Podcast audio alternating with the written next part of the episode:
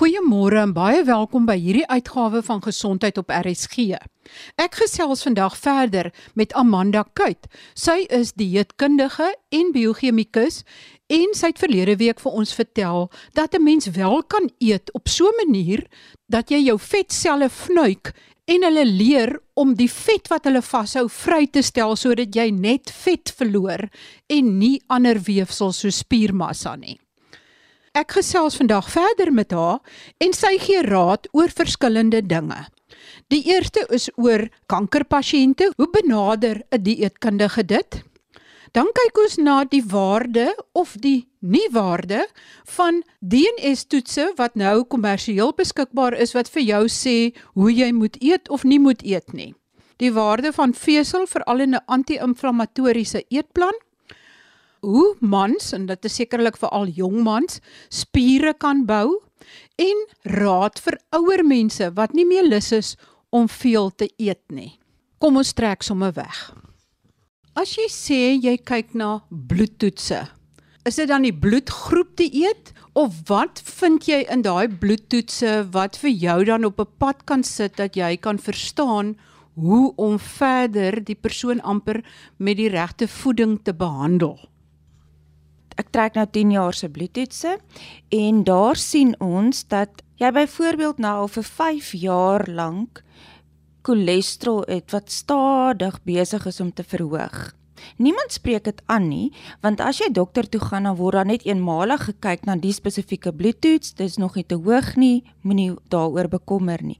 Maar as jy oor 'n tydperk daarna kyk, dan sien ons die cholesterol het verhoog. So dit is nie die bloedgroep dieet of so iets nie dan sal ek byvoorbeeld in daai kliënt 'n uh, riglyne inwerk dat ons kyk of ons die cholesterol vlakke kan verlaag.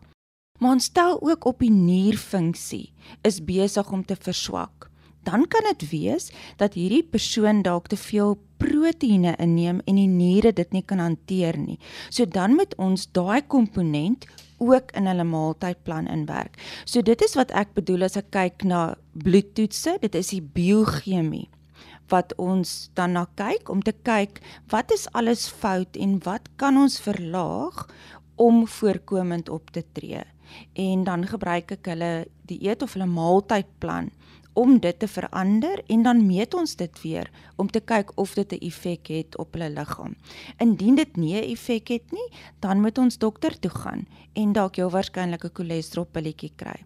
En dis ietsie wat almal moet ook verstaan, is 'n mens kan nie alles alles met kos regmaak nie. Mens probeer lewenstyl aanpassing doen, maar as jy ook vind dit dit is vir jou regtig baie moeilik, dan gaan ons baie keer medikasie moet kry om te help. Jy sê jy meet dit, laat jy weer bloedtoetse doen of is dit hierdie vreeslike duur skaal of ek weet nie eens of mense dit 'n skaal kan noem nie, dit lyk eerder vir my soos 'n helse groot apparaat. Gebruik jy dit en wat kan jy met daai tipe skaal meet? Dit is die eerste tegnologie wat ons beskikbaar het op 'n kommersiële vlak om artificial intelligence te kry deur middel van hierdie skaal. Die skaal scan jou liggaam en dan kry ons sekere data van dit af. En daai data is uniek tot elke liewe persoon. So as ons nou opvolg bloedtoetse doen, ons het jou dieet verander en ons het jou eerste metings voordat jy met jou intervensie van lewenstylverandering of dieet begin het en ons meet weer, dan moet daar sekere datapunte wees wat geskuif het wat natuurlik verbeter het. Hierdie skaal meet jou ook teenoor 'n populasiegroep. So as jy inkom en jy's 'n dame van sê 50, jou lente, ouderdom en jy is Caucasian of jy's 'n uh, Afrika etniese groep, daai goeters word alles in ag geneem en dan word jy geplot teenoor 'n populasiegroep om te sê hoe ver is jy af van baie gesond of siek. So dan kan ons 'n maatstaf kry om te sê wat ons alles in jou liggaam moet herstel vandat ek met hierdie skaal begin werk het, kan ek glad nie net iemand sien en vir jou weeg en sê jy weeg 80 en jy moet 70 weeg nie. Want daar's net te veel inligting wat hierdie tipe tegnologie vir ons gee om lewenstyl aanpassing en voorkomend op te tree. Watter tipe inligting kan dit vir jou sê uh, watter persentasie van my liggaam is vet of uh, spiere of water of wat ook al? Is dit van die inligting wat jy kan bekom? Ja, uh, so die watervlakke wat hy meet, ehm um, gee dan vir ons watervlakke in jou totale liggaam, maar ons kan ook, hulle noem dit ekstrasellulêr, met ander woorde aan die buitekant van selle sien wat vir ons dan ook 'n indikasie gee van hoe gebruik jou liggaam water. Met ander woorde, gebruik jy effektief water? Met die meting veral rondom die watervlak meting is geweldig akkuraat want ons kan onmiddellik optel of jou niere swaar trek of jy hoë bloeddruk het, waterretensie, al daai tipe goedjies kan jy optel as jy die data reg verstaan. En dan kan ons ek goed, weet jy wat? Miskien drink jy dalk te veel water en jy eet dalk te min sout en dit het 'n effek op jou liggaam. So dan moet ons dit herstel. Die hele ding van elke liewe persoon met 2 liter water drink is snert. Want elke liewe persoon het 'n sekere hoeveelheid water wat hy nodig het in sy liggaam en elke persoon verskil. So daar is maniere wat 'n mens kan bepaal. 'n Vinnige berekening is tel bietjie hoeveel keer piep jy op 'n dag. Ons blaas is omtrent so 250 tot 350 ml en dan tel jy 500 ml by. En dis die kwota water wat jy op 'n dag moet gebruik. So as jy 2 keer piepie, dan beteken dit daar is iets aan die gang, maar dan is jou totale liggaamswater wat jy moet inneem, dan nou sê maar 750 plus 500, dan gaan dit omtrent so 1500 wees. As ek jou meet op die skaal en jy's nie gedihidreer nie, beteken dit jou liggaam kan daai hoeveelheid vloeistof hanteer onthou ook maar net dat ons suiwer water moet inkry. Ons is baie keer geneig om te sê, maar ek drink 2 liter want ek drink rooibos tee, koffie ensovoorts. Maar ons het 'n sekere hoeveelheid suiwer, suiwer, suiwer water nodig. Met ander woorde, as die pasiënt by jou kom, dan kry jy al hierdie metings en dan besluit jy daarvolgens presies wat die een moet eet of wat die een moet doen om dan gewig te verloor of gewig aan te sit afhangende van die probleem. Dit is een ding vir gesonde pasiënte, maar wat van as jy 'n kankerpasiënt sien? Wat ek dink kankerpasiënte gryp vinnig na aller strooihalms. Ek het al gehoor van iemand wat net wortels wil eet of enige iets om gesond te kan word. Wat vind jy as jy kankerpasiënte sien en hoe help jy hulle? Kankerpasiënte is oorgelewer aan die wolwe daar buite en dis maar bemarking. So as ons na kanker kyk, dan is dit kanker spesifiek. Kom ons noem borskanker. Jou diagnose word gemaak en daar's verskeie uh, goedjies wat met jou gebeur. Jy gaan nou chemoterapie kry en of bestraling of mastektomie. Wat dan gebeur is elke tannie, elke vriendin begin vir jou raad te gee. Wat 'n mens versigtig moet wees is baie van hierdie pilletjies en snaakse dieete en so aan beïnvloed op die ouende die werking van jou behandeling maar dit beïnvloed ook die uitkoms van jou siekte toestand en dit kan op die ouende jou meer skade doen as wat dit jou voordelig beïnvloed. Jy moet ook onthou jy moet lewe. Ons kan nie net op wortelsap lewe nie. Dit's onmoontlik. Dit is net nie lewensvatbaar nie. So 'n goeie gebalanseerde eetplan na aanleiding van wat in jou liggaam aangaan, is wat ek dan vir byvoorbeeld vir my pasiëntjies voorskryf. As dit iemand is wat uh, swaar kry om te eet, dan moet ons natuurlik na vloeistof dieet gaan kyk. En daar konsentreer ons baie keer op roomys. En dan sal mense vir jou sê, "O my aarde, my kan nie roomys eet nie want suiker laat kankerselle groei." As daai persoon nie daai suiker inkry nie, gaan die persoon dood van wanvoeding. Dan sal ons byvoorbeeld so 'n strategie gebruik kolonkankers baie spesifieke strategieë want ons moet hulle bakterieë in hulle darmkanaal weer vestig. En daar is baie baie spesifieke kosse wat ons vir hulle sal gee, byvoorbeeld gefermenteerde produkte. Soos kever wat julle nou almal op die mark al gesien het, ehm um, suurdeegbrood, daai tipe goedjies sal ons nou meer gereeld vir hulle gee terwyl ons vir borskankervrouens bietjie meer groente en so gaan gee, maar ook glad nie soja nie, want ons weet soja kan moontlike effek hê op estrogen as hulle estrogen positief is. So daar's baie spesifieke goedjies wat 'n mens gee vir elke tipe kanker. Dink jy die gemiddelde luisteraar besef al hierdie goed en dink jy die gemiddelde GP besef al hierdie dinge? Wat ek gevind het met die hoeveelheid ekstra goed wat ek by gestudeer het, is daar gaan elke keer 'n nuwe veld oop en hoe meer kennis jy op jou ou en hoe beter kan jy jou pasiënt help. Onthou as ons dokter toe gaan, hulle moet 'n krisis oplos. Jy het nou verkoue, jy nies en jy hoes en dis wat ons nou gaan oplos. Daar is net nie genoeg medisy om vir almal te help nie. Beteken dit ons tyd is ook beperk. So 'n GP kan nie 'n uur of 2 ure lank spandeer om alles na te gaan nie. En dit is maar wat ek doen is navorsing. Die eetkundiges is op die ou ende maar jou go-to om 'n bietjie meer inligting en navorsing vandaan te kry want ons het bietjie meer tyd om met jou te spandeer. Maar die inligting buite is maar min. Kyk onthou daar's ook baie nuwe velde wat nou ewe skielik oopmaak soos genetika. Min mense het kennis oor genetika en ek voorsien oor die volgende 5 tot 10 jaar gaan dit uh iets wees wat elke liewe medisy gaan moet weet van. So dit beteken ons almal wat nou al reeds in praktyke is, gaan binnekort met begin verstaan wat is genetika en hoe word dit betrek in ons praktyke. Watter rol speel ons DNS en ons genetika in hoe ons moet eet in ons gesondheid? Ja, ons DNS speel 'n geweldige belangrike rol. Die heel eerste ding wat ek wil sê is julle moet net almal onthou, een geen kan nie op sy eie werk nie. So as jy 'n genetiese toets gaan doen en hulle sê nou maar vir jou, kom ons noem sommer, kom ons sê ATM, jy het 'n probleem op ATM. En jy moet nou net melkprodukte gebruik. Dis nie waar nie. Want ATM het 'n klomp ander gene wat saam met hom werk om op die ouende moontlik te kan bepaal dat jy laktose intolerant is, maar nie elke persoon het dit nie. So ons moet onthou dit is 'n netwerk van reaksies wat plaasvind. Dit is nie eenvoudig nie en mense moet baie versigtig wees as jy net DNA toetse doen en die eetveranderinge doen sonder dat jy werklik weet wat aangaan. Maar wat ons op die ouende sien is dat mense sieker word. Want nou skakel jy sekere kosse en goed uit wat noodsaaklik is vir jou, want jou DNA sê vir jou jy moet dit nie eet nie.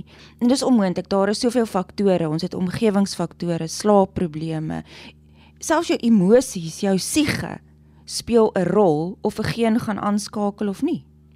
So daar's te veel komponente vir ons heidaglik om net te sê ja, dit is swart en wit en dit is hoe dit werk, maar dit speel 'n geweldige rol as jy agtergrond het in genetika om op die ouene vas te stel dat daar risiko is in sekere mense wat moontlik kolonkanker kan kry en dan het ons baie spesifieke genetika wat ons toets. En dan het jy 'n genetiese beraader wat dan jou moet sien en jou familie om dan die risiko van kolonkanker met jou te bespreek. Ons het ook genetika wat die aptekers nou baie meer begin gebruik en farmaseutiese maatskappye waar ons weet sekere medikasie kan sekere genetika beïnvloed. En as ons kyk na ehm um, kankerbehandeling, is dit byvoorbeeld een van daai medikasies of middels wat ons sekere van die DNA beïnvloed wat daai selletjie te veel laat groei. Ja, dis ook baie interessant dat uh, van die kankers het hulle eie DNA en dat baie van die behandeling nou daarop gerig word, maar dit is soos jy sê, dit is dikwels nie net een geen nie. Een skakel miskien twee ander aan en hy't negatief op een op 'n derde een en positief op 'n vierde een en dis 'n hele kaskade van reaksies wat plaasvind. En as mens reg lewe, kan jy so lewe dat die foutiewe geen nooit aangeskakel word nie wat baie belangrik is. Die huidige genetiese toetse wat gedoen word en wat redelik gewild is ook om vir mense te sê watter kosse hulle moet eet of nie eet nie. Is daai hoeveelheid gene wat getoets word net heeltemal te min om werklik te kan sê wat geskik is vir jou? Ek is tans besig met 'n pasiëntjie wat ek haar DNA verslag gekry het wat sy so gedoen het. Dit is ook 'n pasiënt wat ons 84 ander gene moes toets om haar risiko, want sy het gewellige hoë risiko vir borskanker. So daar is 84 ander gene getoets. Die kommersiële toets is gedoen, plus daar's nog by 'n ander universiteit nog toetse gedoen. En wat ons opgetel het met hierdie toetse is dat party van hulle verkeerd is. So nou vra mense die vraag, wie moet jy nou glo? Die hoeveelheid gene wat ek nou in hierdie een pasiënt het, kom ons sê ons het 150. Dan kyk ons na raakpunte en ons sien byvoorbeeld in haar genetika het ons 'n probleem met kom ons sê 'n geen wat timor groei moet stop. Nou as jy 'n bietjie gaan Google, hoeveel gene kan timor stop? Dan is dit omtrent nog 300 gene. So op die ouene kyk ons na lewenstylverandering so goed as wat ons kan, maar dit is absoluut onmoontlik op hierdie stadium om van die kommersiële toetse te sê jy moet aardappels eet of jy moet gewig verloor of wat ook al is te min. Dis te min. Kom ons sê ook 'n snip. 'n Snip is 'n klein deeltjie en ons identifiseer hom met 'n nommer. Een geen kan miljoene snips hê wat ons nie eers van weet nie. En daai snip is 'n klein veranderingkie in 'n lettertjie in die DNA. En hy kan moontlik herstel word deur 'n ander geen of deur 'n ander reaksie en dit wat gemeet word is net so 'n klein fraksie van 'n geen wat ons regtig nie uitspraak kan lewer nie. Jy het nou genoem in kankerpasiënte wat dit soms nodig is om na 'n anti-inflammatoriese eetplan te kyk. Wat behels dit? Kan mens regtig eet dat dit minder inflammatories in jou liggaam is? Ja, ons kan definitief eet dat dit minder inflammatories is. Weereens hang dit af van jou bloedtoetse. Ons het almal onderliggende inflammatoriese prosesse wat in ons liggaam aangaan, veral omdat ons stres het. Ons almal is in 'n veg en vlug reaksie en dit op sigself veroorsaak inflammasie in ons liggaam. As ons gaan kyk na epidemiologiese studies, dis studies wat al vir jare lank in groot populasies gedoen word. En ons weet die uitkoms van daai tipe studies kan ons toepas in populasiegroepe. En daar is een bestanddeel wat in hierdie studies altyd altyd deurkom en dit is vesel. En nou dat ons ook meer weet van ons kolon dat dit 'n immuniteitsorgaan is en dat daar DNA in jou kolon ook is. Ons weet van jou probiotika. Vesel is byvoorbeeld 'n een eenvoudige vorm om inflammatoriese prosesse te stop. En ons almal eet min vesel. Dis nou eenvoudig, maar dit is byvoorbeeld 'n maklike, veilige manier om inflammasie in die hok in te slaan. Vesel bind ook cholesterol. So vesel het geweldig baie uh voordele in ons liggaam. Ons weet ook dat visolies het 'n anti-inflammatoriese effek in die liggaam. Maar nou moet jy ook versigtig wees. Daar kan mense wees wat 'n uh, afwyking in hulle pirien of pirimidien metabolisme het wat nie daai tipe molekules goed kan hanteer nie. Nou sê ons vir die persoon gaan eet 'n klomp sardientjies want dit is nou anti-inflammatories. Volgende dag kan sy nie uit die bed uit klim nie. Want sy kan nie pirimidien en daai molekules kan sy nie hanteer in haar liggaam nie. So mens moet dan 'n ander vorm kry of iets wat sy gaan met eet om haar inflammatoriese proses te verlaag groente en vrugte. Die rede hoekom groente en vrugte anti-inflammatories is, is as gevolg van vesel. Vesel kan baie goeders in ons lewens verander. As jy net dit doen, as dit raad is wat ek vir almal vandag kan gee. Stoot jou vesel met 5 tot 10 gram op op 'n dag en jy gaan klaar 'n groot verskil sien in jou liggaam. Kan jy nog so 'n paar voorbeelde noem van veselryke kosse? Is daar graansoorte wat vesel het? Wat moet mens eet? Havermoutpap, wat is goeie vesel? Ja, so ons kry verskillende vesels. Ek sal 'n verskeidenheid vesels aanbeveel. Byvoorbeeld, ehm um, oudspap, havermout is baie goed. 'n Vesel waarvan ek geweldig baie hou en ek weet baie mense wil dit nie eet nie, is sorghum. Julle Matabella is een van die wonderlikste vesels. Dis 'n goedkoop produk van vesel en jy hoef hom nou nie te maak soos wat hulle hom in die koshuis gemaak het nie. Jy kan hom maar bietjie met melk maak en sit maar 'n ou suikertjie by of 'n klein bietjie botter, dan is dit glad nie so sleg nie. Soos 'n Matabella is 'n sorgem, is 'n fantastiese vesel. Ander vesel Bali, gort wat ons altyd gebruik het in soppe of ons oumas hulle begin daai goeders weer te gebruik in julle daaglikse planne in plaas van rys. Dit is byvoorbeeld goeie vesel. Aan die vrugte en die groente kant, vrugte se suikerinhoud is baie hoog, so ek gebruik nie baie keer vrugte, weet as my hoofbron van vesel nie. Maar daar kyk ons spesifiek na byvoorbeeld appels, jou harder tipe vrugtesoorte en sitrusvrugte ook baie mense se darmkanale kan nie altyd die vrugtevesels goed hanteer nie. So ek leen half meer na groente toe waar ons ook dan ander antioksidante en goed vandaan kry soos spinasie, fantastiese vesel. Brussels sprouts wat ook niemand wil eet nie, is 'n baie goeie vesel. So jou groen groentes is goeie vesels.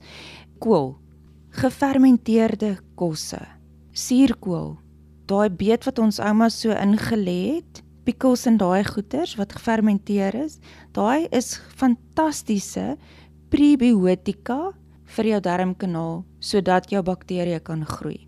Wat 'n tipe van 'n vesel is. Ons moet regtig begin teruggaan na wholesome food toe wat ons regtig self kook en self maak, self inlê. Ek weet ons het nie baie tyd nie, maar jy weet as jy twee veranderinge in jou eetplan kan doen, het dit al klaar 'n baie groot verskil vir jou in die toekoms.